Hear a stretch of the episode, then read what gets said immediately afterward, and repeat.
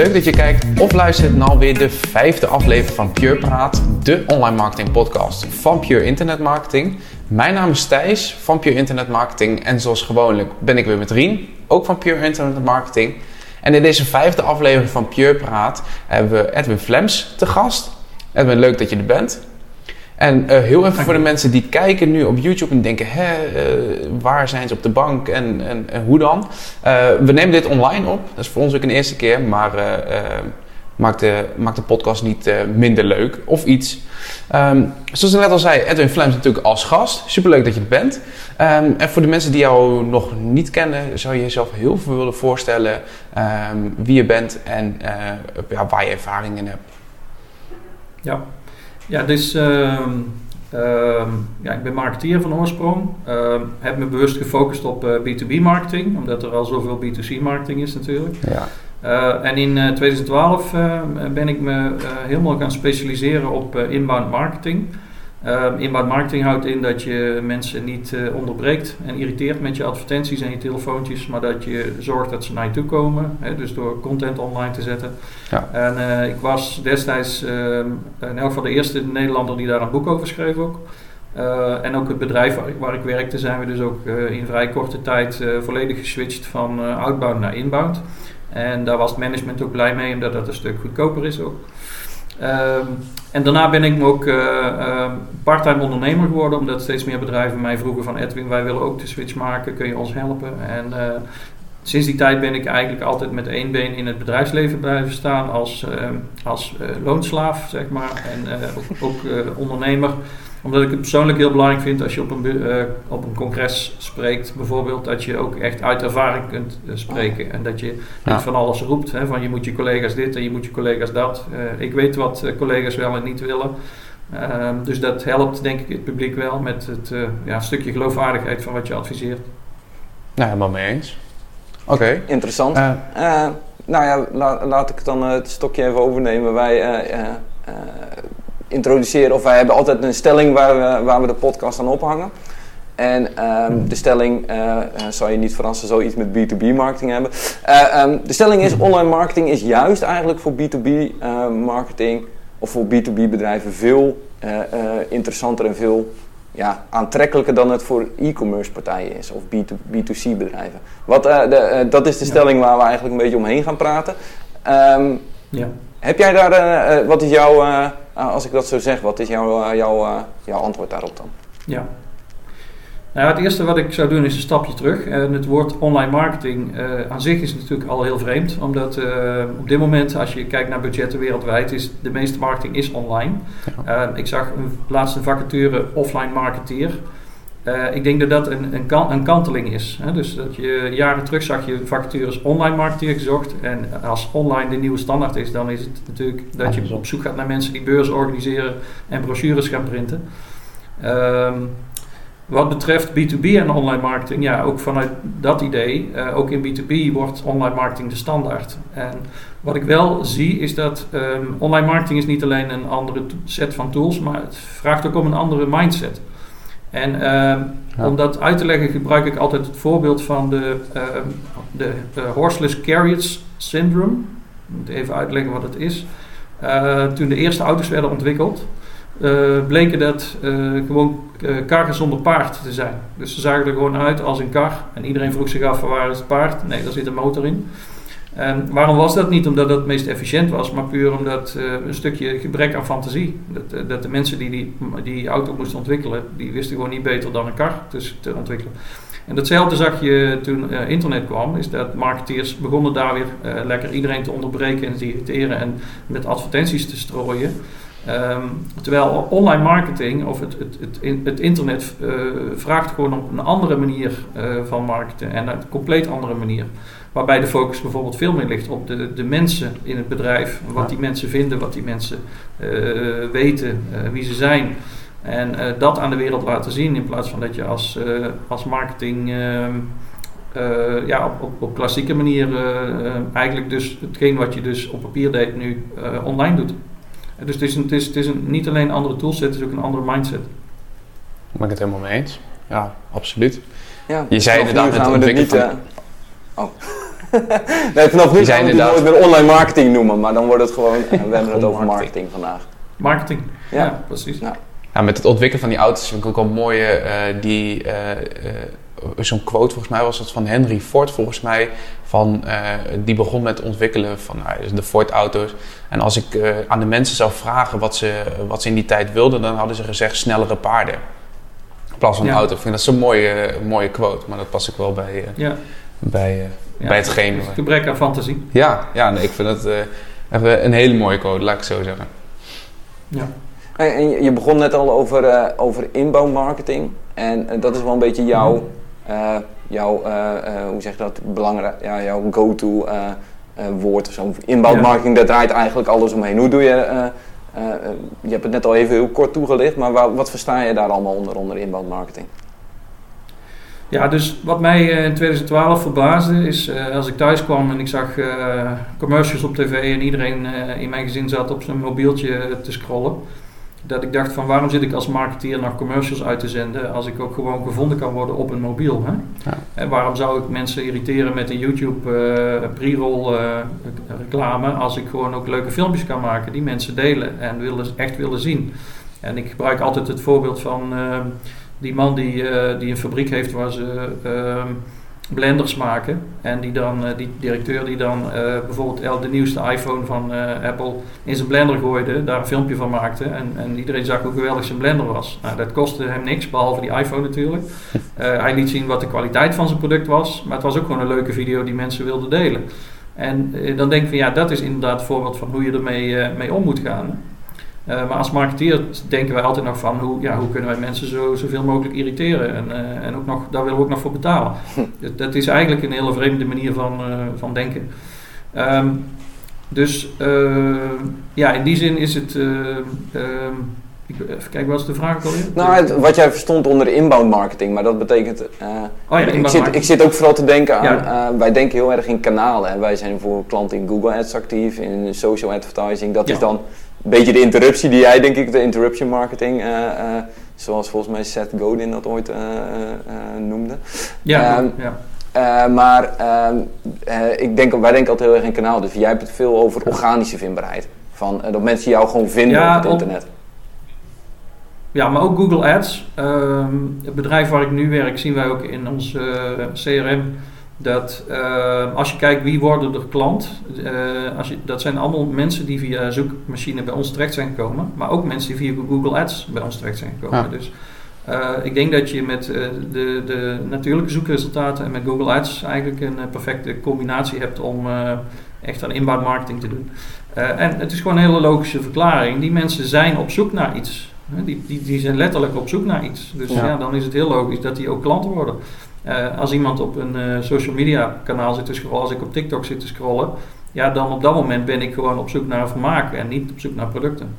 Ehm, dus, dus, dus het is heel logisch dat je conversie een stuk hoger is bij Google dan bij, eh, bij andere kanalen. Absoluut. Ja. Ehm, dus, dus ja, dus, dus inderdaad, dus wat ik aangaf, de, de, sinds er internet is gaan mensen op zoek via Google, eh, starten daar hun verkoopproces. Inmiddels is het al 90%. Maar toch zijn alle bedrijven nog heel sterk gefocust op het eh, zelf zenden en, eh, en onderbreken. Ja, wat, wat, wat natuurlijk ook, beide is natuurlijk heel interessant. Maar stel je, je bent B2B en, of een bedrijf en, en je start zelf een nieuw product. En mensen Mhm. weten nog niet van jouw bestaan. En eh, ja, dus kunnen ook nog niet zoe- zoeken in Google, zeg maar. Dus het zoekvolume is er niet. Ja. Eh, eh, dan zou je toch op een manier, zeg maar, je, je, je product aan de wereld moeten brengen, zeg maar. Ja, nee, dat klopt. En daarom dat ik ook ehm, steeds meer focus leg op het stukje employee advocacy. Dus dat je probeert eigenlijk om van je collega's influencers te maken. En dat, eh, dat je via die route met nieuwe producten kunt komen. Hè? Dus dat je collega's eh, laten dan innovaties zien aan de markt. En als je zorgt dat ze veel volgers hebben, dan krijgt ook een groot deel van de markt die eh, innovaties te zien. Ehm, overigens is er ook een trucje om, om, om via inbound marketing nieuwe innovaties eh, ehm, te introduceren. En dat is namelijk omdat uiteindelijk ook jouw innovatie bevredigt een behoefte die er al is. Uh, dus als, je, als mensen zoeken bij Google op, op, de, uh, ja, op de manier waarop die uh, behoefte vroeger in het verleden werd ingevuld, -hmm. dan kun je op die manier toch ja, via blogs mensen naar de nieuwe innovatiestudio. dus, dus uiteindelijk is er wel een manier om, da, om dat te omzeilen, maar ik denk dat door steeds meer collega's in te laten zetten als influencers, dat je daarmee ja, ook weer nieuwe producten kunt introduceren in de markt. En nou, het is ook niet een... Uh, influencers. Wij zijn influencers. Sorry? Wij zijn ja, B2B influencers. Ja, ja. kijk.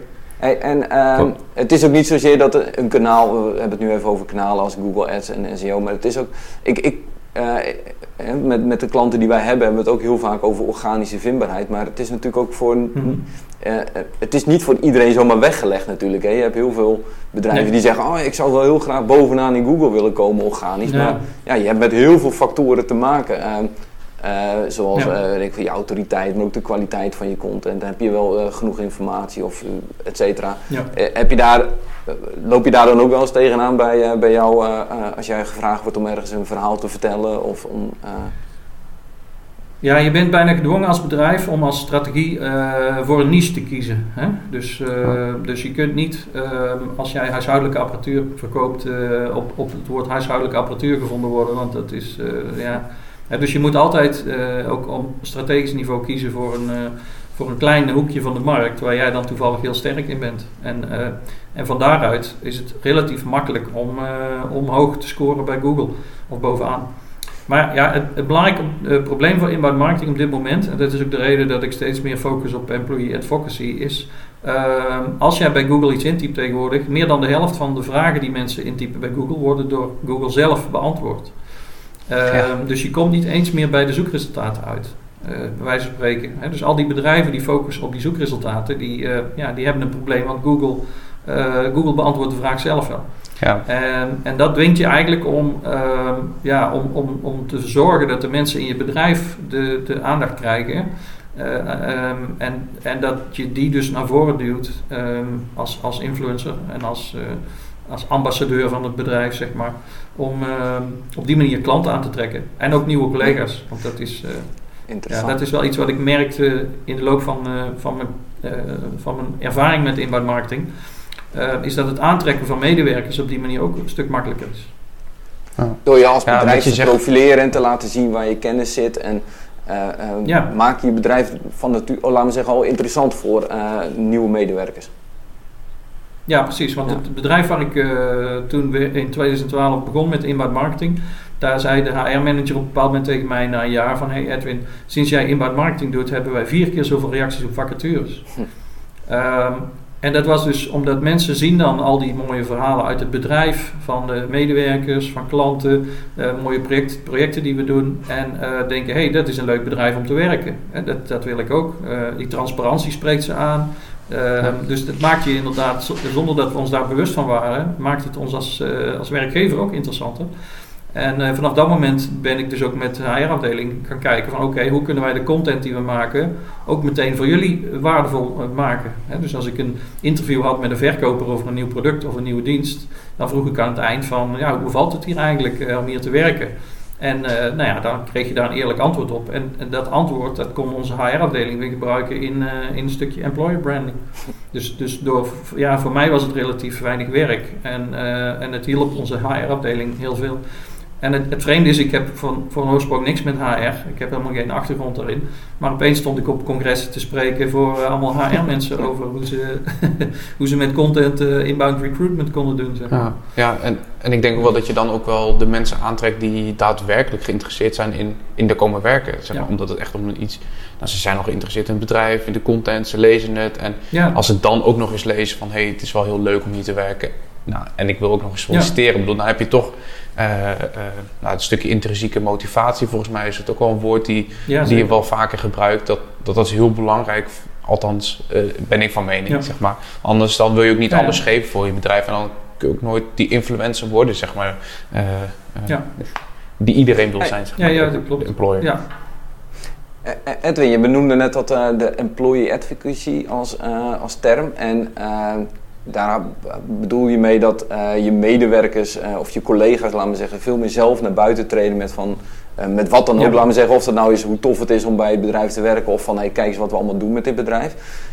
dat klinkt heel mooi. En wat ik in de praktijk wel eens zie, is dat ofwel bedrijven dat echt faciliteren vanuit deze posts worden voor jou volgekoud en dan ik, ik heb wel uh, oud-collega's van mij die bij hetzelfde bedrijf werken en dan zie ik continu dezelfde updates komen. Echt op de uh, letter hetzelfde. Die worden gewoon volge, volgeschreven, laten we zeggen, van zet dit op je LinkedIn. Ja. Dat is denk ik juist niet wat je wil. Maar heb jij, uh, hoe, hoe krijg je het dan voor elkaar? Want LinkedIn wordt wel als een privé profiel gezien. Hè? Dus het is mijn profiel mhm. en daar heb jij als werkgever eigenlijk niet zoveel over te zeggen. Hoe krijg je het dan voor elkaar om die medewerkers te motiveren om zelf hun LinkedIn en hun netwerk als een soort van influencer te gaan bedienen? Hele lange vraag. Ja, hele ik, lange ik, geef. Ja, nee, ik, ik, snap wat je bedoelt. Ik, ik, geef samen met uh, Denise Bellinghoff voor het NIMA ehm, hier een masterclass in. Dus eh, hoe je dat eh, voor elkaar kunt krijgen. En wat ik vaak zie is dat marketeers in praktijk willen de collega's vooral zien als een billboard. Van hé, hey, kijk, daar kunnen we mooie advertenties op plakken. Um, uh, wat ik bij, uh, bij collega's bijvoorbeeld wil stimuleren, is dat ze zichzelf gaan zien als een, uh, als een thought leader. Hè? Als, als iemand met een unieke kennis, met een unieke persoonlijkheid. En dat het belangrijk is en dat het eigenlijk jammer is als, als ze dat niet delen. En ja, het zou mooi zijn als ze inderdaad content van het bedrijf delen. Maar ja, als ze dat doen, moeten ze vooral kijken of het voor hun netwerk interessant is. En niet dat ze zichzelf als een verlengstuk zien als de, van de marketingafdeling of van de HR-afdeling. Want dan verdwijnt vrij snel uh, hun motivatie als, uh, als, ze, als het, het gevoel krijgen dat ze gewoon als, als een instrument worden ingezet.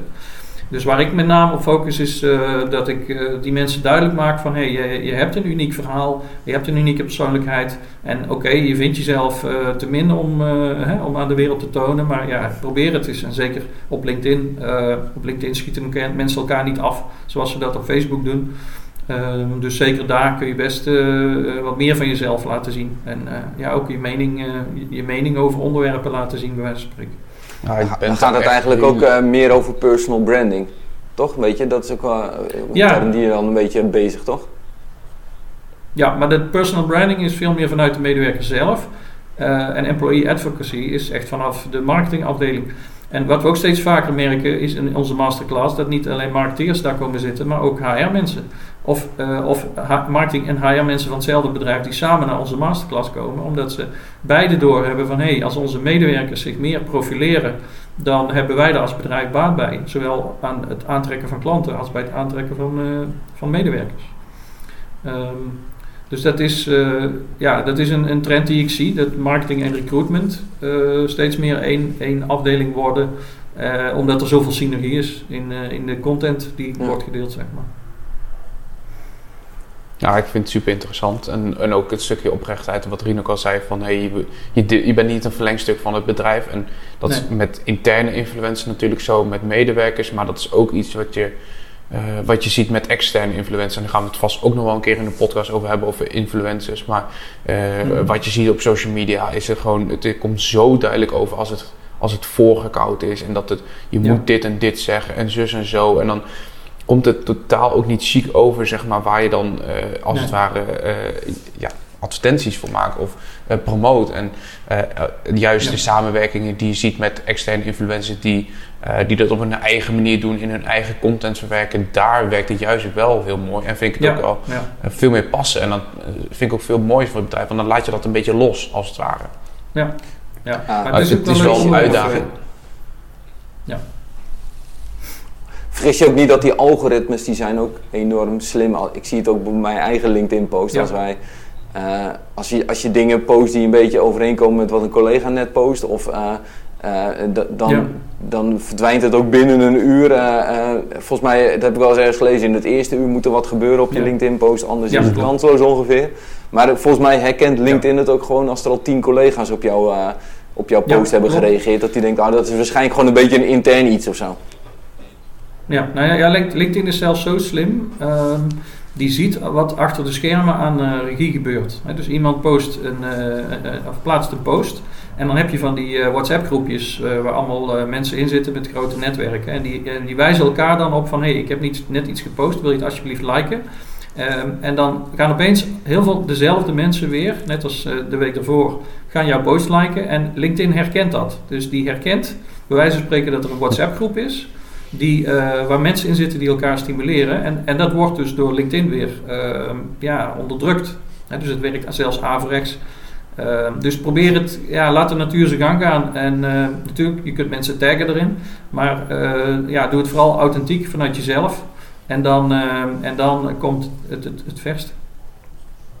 Door middel van dat soort groepen heb ik ooit een keer een Instagram pagina wel redelijk wat volgers erbij kunnen laten krijgen, zeg maar. Dat was uh, dat werkte toen nog. Dat was een aantal jaar geleden. Maar daar kwamen ze heel snel. kwam Instagram ook met inderdaad zo'n formule. dat ze door hadden van. dit zijn dezelfde mensen. die elkaars post elke keer liken en ophypen, zeg maar. Dus dat was, ja. was wel een leuke. Ja. ja, de Engelsen hebben een mooi spreekwoord.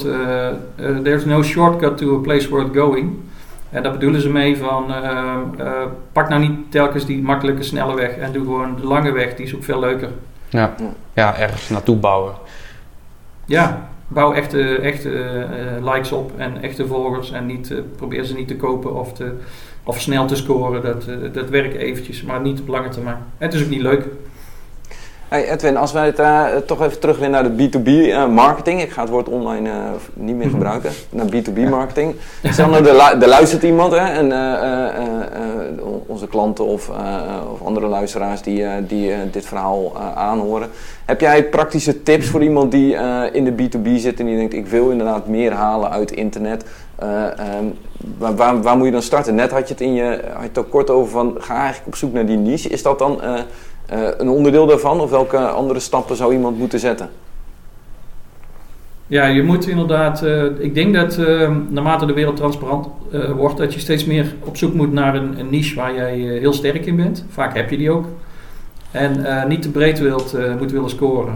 Uh, omdat je toch op hele brede producten niet, of namen of woorden niet gevonden wordt bij Google. Daar hebben andere partijen, die hebben daar ehm, het recht op. En bovendien, het kost je ook heel veel geld als je met Google Ads op een breed zoekwoord wil, wil winnen.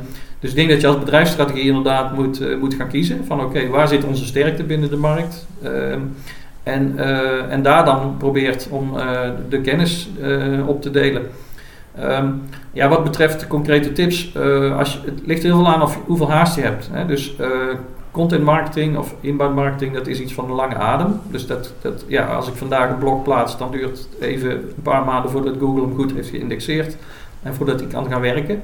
Um, dus, maar ja, je baas wil natuurlijk meteen resultaat zien. Dus dan vind ik Google Ads een hele logische uh, manier om dat op te vullen. Hè? Als je vanmiddag een Google Ads campagne start, dan werkt die bij wijze van spreken meteen. Ja.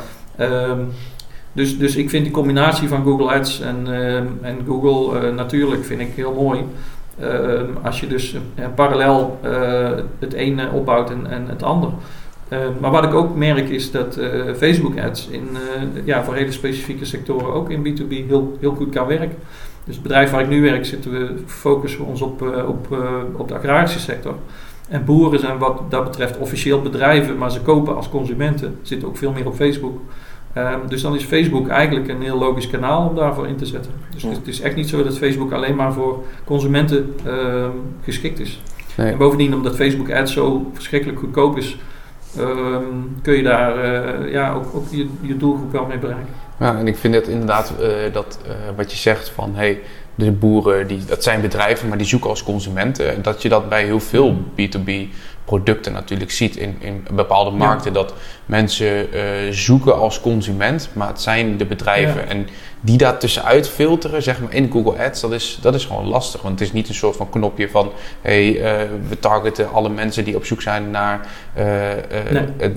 Als bedrijf zijn, zeg maar, die is er niet. En dan kun je toch uh, ja, de niche kun je opzoeken, maar daar wordt dan weer minder op gezocht. En je wilt toch ook wel weer ja. zichtbaar zijn op de termen. Uh, bijvoorbeeld naar een laptop hier voor me. Als bedrijf zijn, als je op laptop kopen zoekt, uh, kun je als bedrijf zoeken. Maar ik als consument kan er ook op zoeken. Dus dat onderscheid daarin, dat is toch wel heel lastig. En je doet met die grote jongens dan toch mee. Maar ja, hoe, zeg maar, dat, dat is heel ja. lastig. Tenminste, uh, wat in de praktijk heel vaak komt. Omdat je op zoekwoorden zit uh, en mensen als consument gaan zoeken. terwijl ze eigenlijk als bedrijf zijn. Dus ja. heb je daar nog ervaring mee of, of, of de tips voor? Nou ja, je kunt, je kunt het ook als kans zien. Hè? Dus stel nou dat jij maakt content of je plaatst advertenties en dat, en, dat, en dat is gericht op doelgroep A. En dan zeg je verdorie, ik, ik zie alleen maar mensen van doelgroep B. Ja, waarom switch je niet naar doelgroep B dan? Hè? Dat, dat, dat, ik merk altijd dat mensen dat uh, moeilijk vinden om die, om die switch te maken. terwijl dat is een van de kenmerken van inbound marketing. Je kunt wel een doelgroep bedenken van ja, hier ga ik me op richten. Maar de doelgroep bepaalt wie er op jouw content afkomt. Hè? Dus, dus, dus dat, dat moet je gewoon loslaten. En als er een hele winstgevende doelgroep is die op jouw content afkomt, nou dan, dan switch je dat gewoon. Dan verander je dat gewoon in je plan. En dan heb je gewoon een andere doelgroep.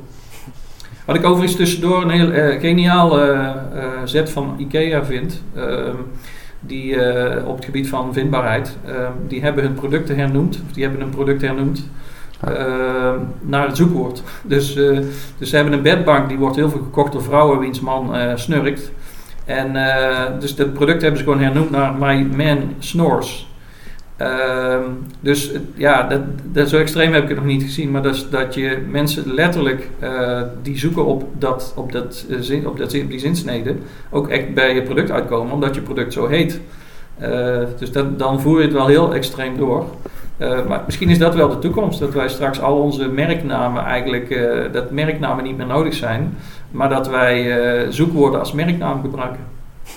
Ik had die, uh, volgens mij uh, kwam ik hem tegen op LinkedIn omdat jij hem ook likte, Edwin. En ik zag ja. inderdaad uh, dat, in, dat die, de voorbeelden die jij gaf, zag ik ook. Dat ze heel erg inderdaad zit op eigenlijk het probleem wat iemand heeft en dan is het product de oplossing. Ja. En dat is wel, dat is, ik ben benieuwd of ze dat ook echt zo dan, hoe echt, of dat ook echt werkt. Want je hebt natuurlijk ook gewoon mensen die al weten wat het probleem of laat me zeggen wat de oplossing voor hun probleem is en op het product zoeken.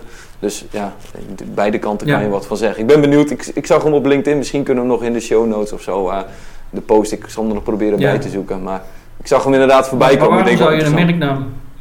Sorry? Ja, waarom zou je een merknaam bedenken? Waarom zou je een merknaam bedenken die je vervolgens moet gaan laden voor heel veel geld? Om mensen dus uh, te laten beseffen waar dat merk voor staat. Als je ook gewoon het probleem waar mensen op zoeken als, als merk kunt gebruiken. En ja. dan, heb je dus, dan heb je al die investeringen niet nodig en zijn ze veel sneller uh, ja. bij jou. Dus, dus merk is eigenlijk een, een dure omweg. Klopt. Ja, klopt. ja dat klopt. Ik, de, de, de, vraag is of je bijvoorbeeld in het voorbeeld van de slaapbank, maar laten we daar niet te lang bij stilstaan, wil, wil focussen op het zoekwoord slaapbank omdat mensen dan echt jouw product zoeken. Of dat uh, dat je bij het probleem wil beginnen, wat misschien ook wel kan betekenen dat iemand in die hele probleemfase bedenkt van mijn man snurkt en misschien moet hij wel, uh, wat is het, zo'n apneumasker. Uh. Snap je? Dus er zijn, ja. nou dat is misschien te inhoudelijk om, maar ik ben wel heel erg, ik vind wel een hele, wat ze daarmee ook doen is gewoon, ja. ze pakken ook wel weer een beetje het podium om te laten zien van hé, hey, we zijn heel ja. creatief en grappig en dat werkt ook, hè, want wij hebben het nu alweer een poosje over Ikea. Dat, dat doen ze goed. Ja, nee, ze zetten hier wel aan het denken. Ja, ja, ja nee, merken, jij, uh, merken werken, dus uh, dat zeker. Ja. En, en uh, Blijft qua, interessant. qua inbound marketing, wat wij, als we het even hebben over waar wij als consultants vaak tegenaan over, is content toch wel een beetje een dingetje. Heb jij, ja. Dan, dan is er of weinig capaciteit intern om goede content te schrijven. Dan moet er naar externe gekeken worden. En externe zijn weer of duur of kennen de markt niet en moeten dan heel lang ingewerkt worden. En heb jij daar, uh, uh, heb ja. je dat ook wel eens ervaren? Of doe jij de content bijvoorbeeld allemaal in-house? Of? Ja, dit, het is, er is een mooie quote van Gary Vaynerchuk. En die zegt van, je moet content niet creëren, maar documenteren. Of ja, ja. in het Engels dan, hè. Document content, not, don't create it. En daar bedoelt hij mee dat je de meest interessante content, die, die is er al. Maar die zit tussen de oren van mensen. En, uh, en, dat is, vind ik altijd mijn taak om er die achteruit te halen. Als, als ik mensen een blaadje geef en zeg van nou kun je iets, iets schrijven over jouw expertise, dan ligt er drie maanden nog steeds, later nog steeds niks. Maar als ik zeg van zullen we morgen even in de spreekkamer gaan zitten, dan interview ik jou. Ja, dan is het in één keer, staat het op papier. Hè? En dan is het nog een half uurtje werk en je bent klaar. En die andere die is blij dat hij niks hoeft te schrijven, zeg maar. Ja. Dus ik heb, ik inmiddels gemerkt dat het interview is echt het perfecte middel om, uh, om, om, content uh, ja, bij mensen te ontfutselen. En dat is ook, ook ja, content die uniek is voor die persoon in elk geval. en die dus ook, ja, waar Google ook weer van houdt, hè, unieke content. Ja. Dus ja, ja. met, met interviews sla je echt heel veel vliegen in één klap. Ja. Ja. Dus, eh, Het past ook wel bij de stelregel die, tenminste over wat ik altijd tegen, ook tegen klanten zeg en wat wij bij eh, SEO ook altijd zeggen, is van hey, stel iemand belt je op of eh, je hebt een fysiek bedrijf en ze komen langs en je zit achter de balie bij wijze van spreken en die, die komt letterlijk, eh, zoekt bijvoorbeeld, nou laten we het net weer hebben, slaapbank kopen. Eh, die wil een Ja. slaapbank kopen, wat zou je diegene dan vertellen? En dan heb je ook letterlijk, eh nou, interviewvorm zou het ook kunnen, maar eh, die Ja. informatie die, die zit natuurlijk wat je zegt tussen de oren, maar dat wil je op papier hebben.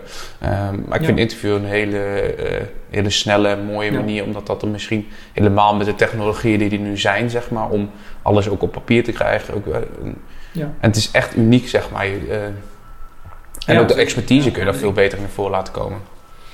Ja, en ik vind het persoonlijk heel, eh, ehm, ja, heel leuk om mensen te helpen. Met name, ja, je ziet heel veel van die introverte ehm, ja, eh, nerds die, die, die heel hun leven al zien hoe de extraverte mensen er vandoor gaan met hun klanten, met hun vriendin.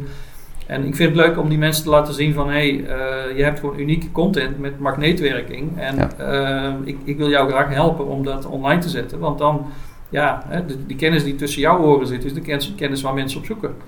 En eh, ja, door ze, door ze dat te laten zien en door ze te zien hoe ze dus in één keer heel veel likes krijgen en complimenten van collega's. En eh, dan, ja, dat, dat is, vind ik persoonlijk heel, heel bevredigend om, om, dat, eh, ja, om anderen erin te kunnen ondersteunen. En eh, ja, dus daar, daar huren bedrijven mij dan ook voor in om, ze, eh, ja, om interviews te doen met, eh, met mensen die zelf toch nooit iets zullen schrijven, zeg maar. Ja, ja super En, eh, eh, om even nog een ander onderwerp aan te snijden. Je had het net al over dat je als marketeer eigenlijk ook met HR-zaken eh, te maken krijgt. Eh, Mhm.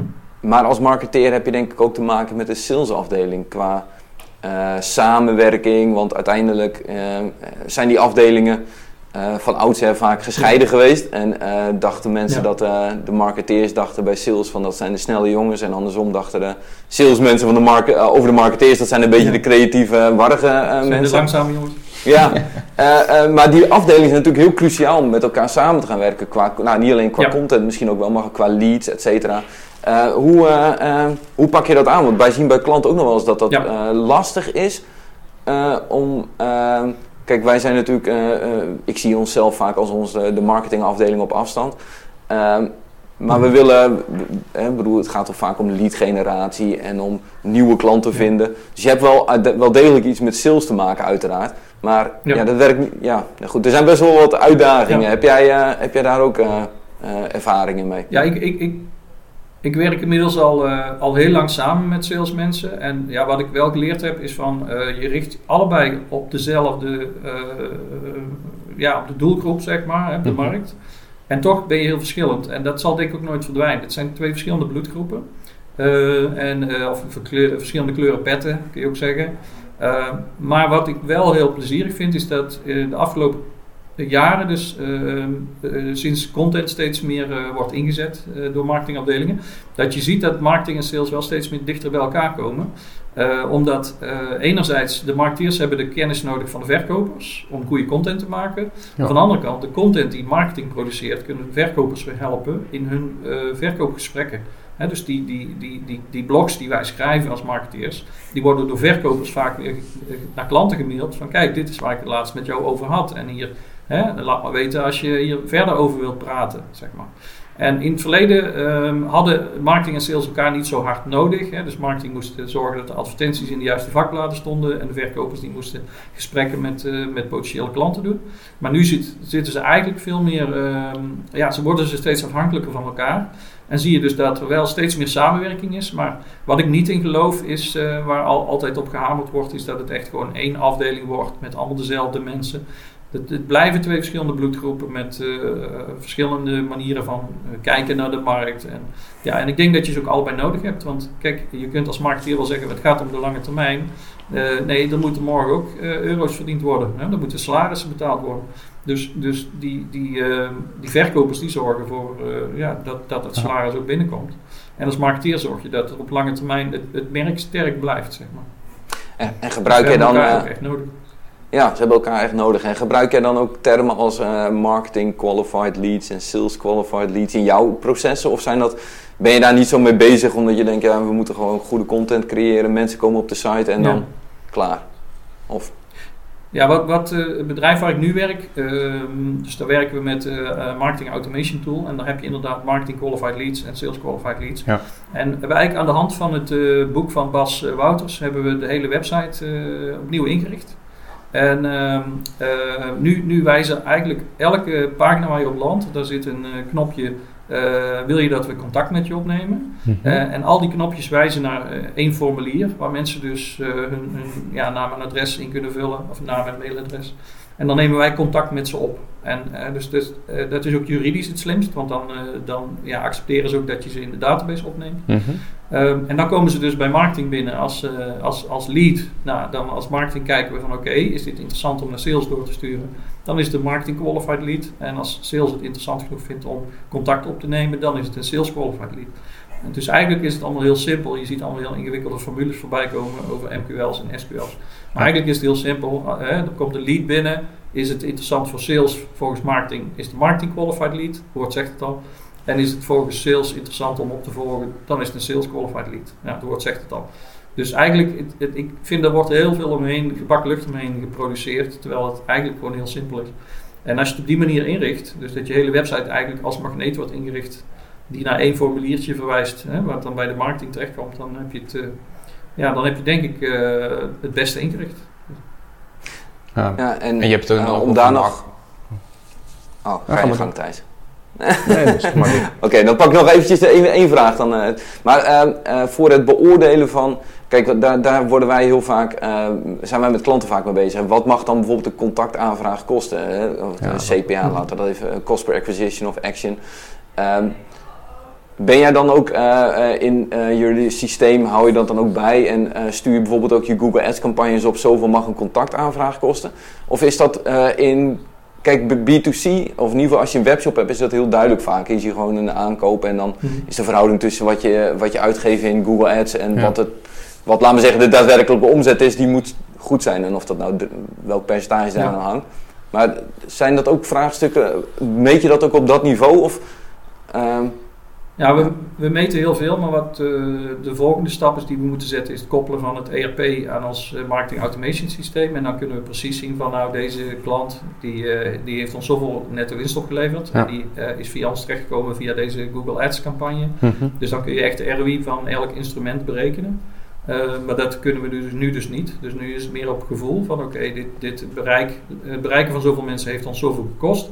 Eh, stel dat we dat via advertenties in vakbladen hadden moeten doen, wat hadden we ons dan gekocht? Oh, dat is, nee, dat is negen keer zoveel, dus we kunnen, best, eh, we kunnen dit best eh, zo doen. Ja. Ja. Dus dan vergelijk je meer met de kosten die je bespaart dan met het eh netto winst die het oplevert. Omdat je die, eh, Ah, ja. ja. die in, in- dat inzicht heb je nog niet. Een hele sterke, want het is in- inderdaad een heel groot gedeelte blijft nog gevoel en van ja, hoe gaat het dan? En het is altijd op basis van ja, nou, het is druk, dus eh, we, we weten ongeveer hoeveel het doorloopt, maar echt die volgende stappen, en daar Ja. zijn we ook wel mee bezig met ook eh, het koppelen van CRM-systemen aan, aan verschillende tools en dat, het wordt allemaal Ja. wat makkelijker, maar die stap, daar zijn we eigenlijk nog niet.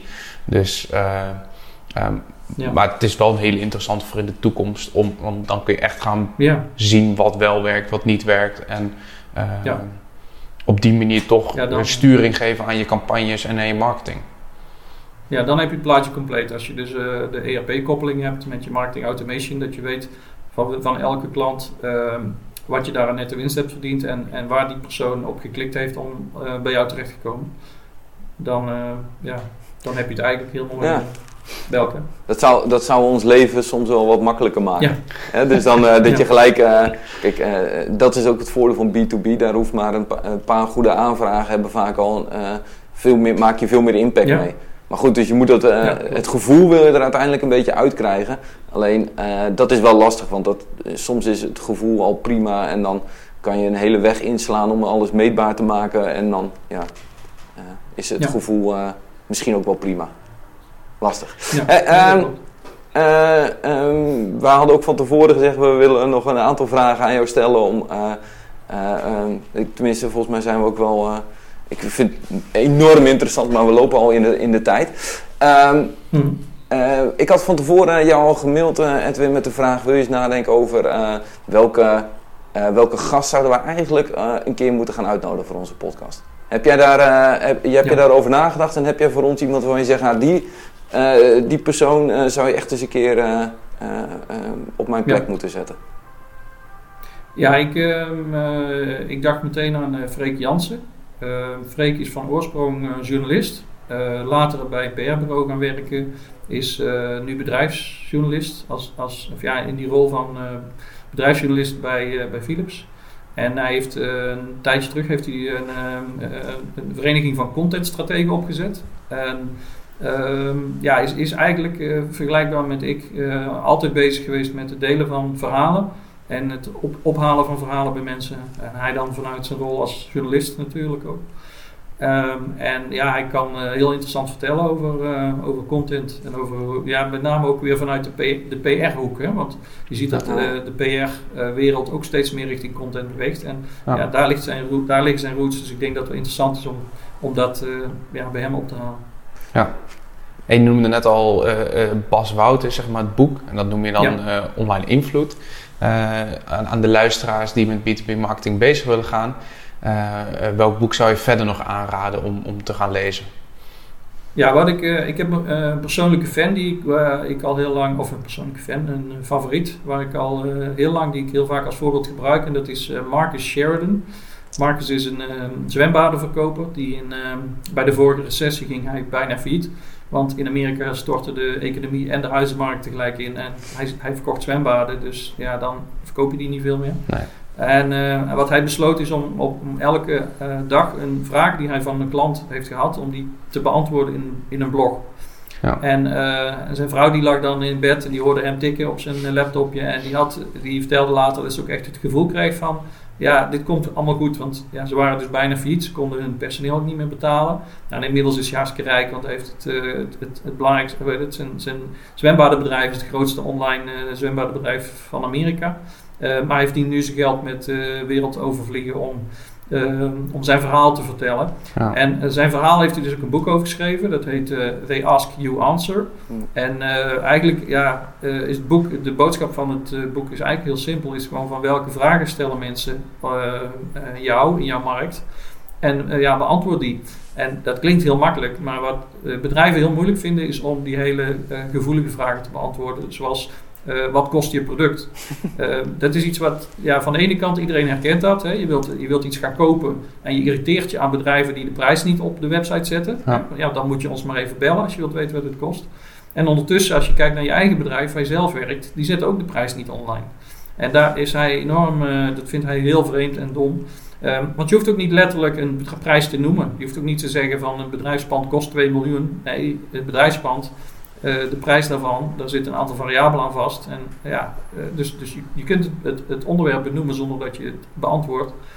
Uh, maar ook bijvoorbeeld van uh, wat, wat is de sterkte van de concurrent ten opzichte van jou? nou, dat zijn ook vragen die mensen stellen die, die ze beantwoord willen hebben. Nou, beantwoord die. Of wat zijn de nadelen van jouw product? Hij heeft een, blog geschreven over een zwembad. wat de nadelen van zijn plastic zwembaden zijn ten opzichte van beton. En daar heeft hij 4 miljoen dollar aan zwembaden mee verkocht omdat mensen die eerlijkheid van hem zo enorm waardeerden. Dus dat hij over de nadelen van zijn product uh, durfde te praten. Dus het, is, het, is, het klinkt heel makkelijk, hè, van uh, kijk even uh, wat de vragen zijn die mensen stellen bij Google en beantwoord die in jouw ja. markt. het gaat ook om een stukje cultuurverandering in je bedrijf. Dus dat je ook bereid bent om alle vragen die, die er gesteld worden, om, om die ook allemaal te beantwoorden. Dus in die zin, de, ja, dat, dat boek kan ik dus wel degelijk aanbevelen. Ja. Ask You Answer. Ja, en je hoeft natuurlijk kan, niet uh, het honderd keer uh, te beantwoorden als, als mensen bellen of mailen of noem het maar op. Ja, klopt. Nee, het is zelfs zo sterk dat hij... Uh, hij zit natuurlijk in Amerika, dus enorme afstanden. Hij heeft op een bepaald moment heeft hij een e-book ge geschreven. Of eigenlijk een bundeling van al zijn vragen die, die hij heeft beantwoord. En hij dwingt elke potentiële klant om eerst het e-book te lezen. En als ze dan nog steeds geïnteresseerd zijn, dan wil hij er best naartoe vliegen. Uh, maar hij heeft gewoon geleerd, er zijn heel veel mensen die dus tijdens het verkoopproces afhaken, omdat ze gewoon heel veel dingen niet wisten over zwembaden. Uh, en hij zegt van nou, als je mijn e-book hebt gelezen, daar staan alle uh, dingen die je moet weten om een zwembad te kopen. Als je dan nog steeds interesse hebt, ja. ja dan is het ook voor hem de moeite waard om naar die klant toe te gaan. En, ja. um, hè, dus, dus, dus eigenlijk een hele slimme manier om op die manier bij de poort de, de goede van de slechte klanten al meteen te filteren.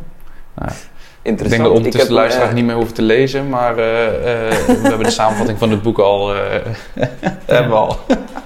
Oké. Hey, dan nog een, een allerlaatste vraag voordat we stoppen. Ja. We hebben hier intern ook nog wel eens.